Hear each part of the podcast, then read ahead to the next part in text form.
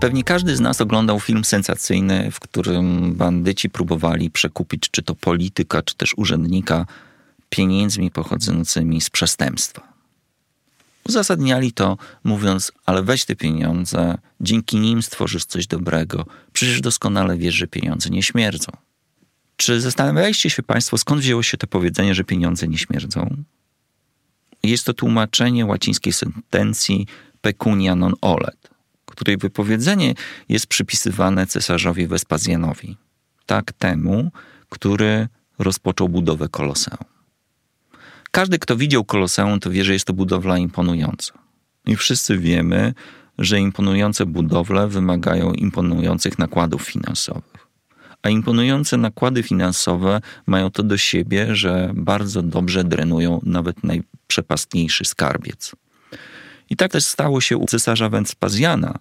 Po rozpoczęciu budowy Koloseum bardzo szybko skarbiec cesarski zaczął świecić pustkami.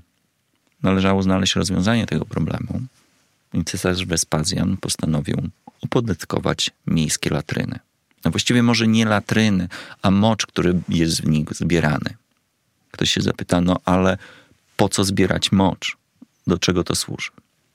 Okazuje się, że w starożytności mocz był bardzo cennym surowcem, który był wykorzystywany innymi do garbowania skór, procesu przetwarzania wełny, wybielania materiału. I pomysł cesarza Wespazjana był bardzo dobry, bo szybko okazało się, że dzięki temu podatkowi udało się zapełnić, jak to mówimy w czasach dzisiejszych, dziurę budżetową. Ale pewnego popołudnia jego syn Tytus, który dokończył budowę koloseum, toczył z ojcem dyskusję i mówił: Ojcze, ale jak możesz ściągać pieniądze z latryn? Przecież to jest taki niezbyt ładnie pachnący interes. Jak wieść głosi, w tym momencie cesarz Wespazjan sięgnął do sakwy, dał synowi garść monet i zapytał, czy one śmierdzą. Tytus odpowiedział, nie no, pachną jak zwykle. I w tym momencie padły te znamienne słowa. Popatrz, synu, pieniądze nie śmierdzą. No ale czy my mamy jeszcze jakieś bardziej współczesne przykłady, gdzie dzięki moczowi udało się zbić fortunę? Musimy się przenieść do lat 60. na Florydę, do uniwersytetu, a właściwie do kafeterii uniwersyteckiej, gdzie podczas jednego lunchu trener drużyny aligatorów rozmawiał z Robertem Cade'em, ówczesnym kierownikiem katedry fizjologii. I powiedział: Robert, ty wiesz prawie wszystko. Słuchaj, powiedz mi, dlaczego moi gracze po treningu bardzo mocno chudną i w ogóle nie oddają moczu? No, w tym momencie Robert Kate nie potrafił odpowiedzieć na to pytanie, ale jak to się mówi, ziarno padło na podatny grunt. I on to postanowił zbadać. Postanowił podejść do problemu systematycznie i przeprowadził eksperyment. Wybrał grupę graczy futbolu amerykańskiego, przed treningiem ich zważył, pobrał im krew. To samo zrobił po zakończeniu treningu. I co się okazało? Rzeczywiście gracze byli chudsi, mieli zaburzenia elektrolitowe dotyczące sodu, potasu.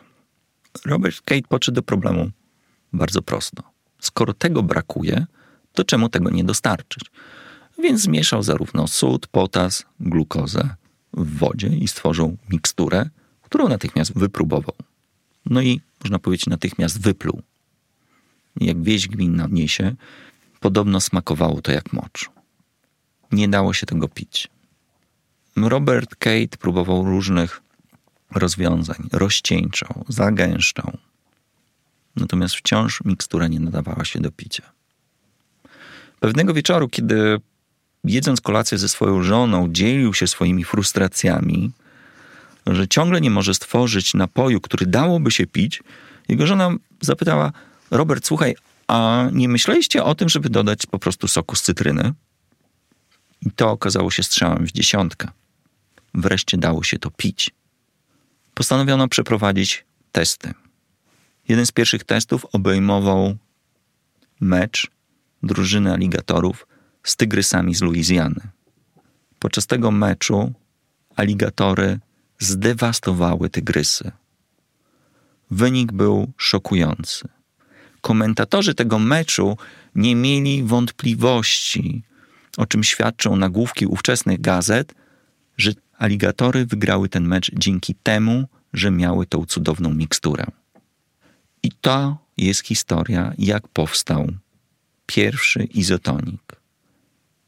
I w dniu dzisiejszym możemy powiedzieć, że roczny dochód z tego banalnego pytania trenera przynosi 7,5 miliarda dolarów rocznie.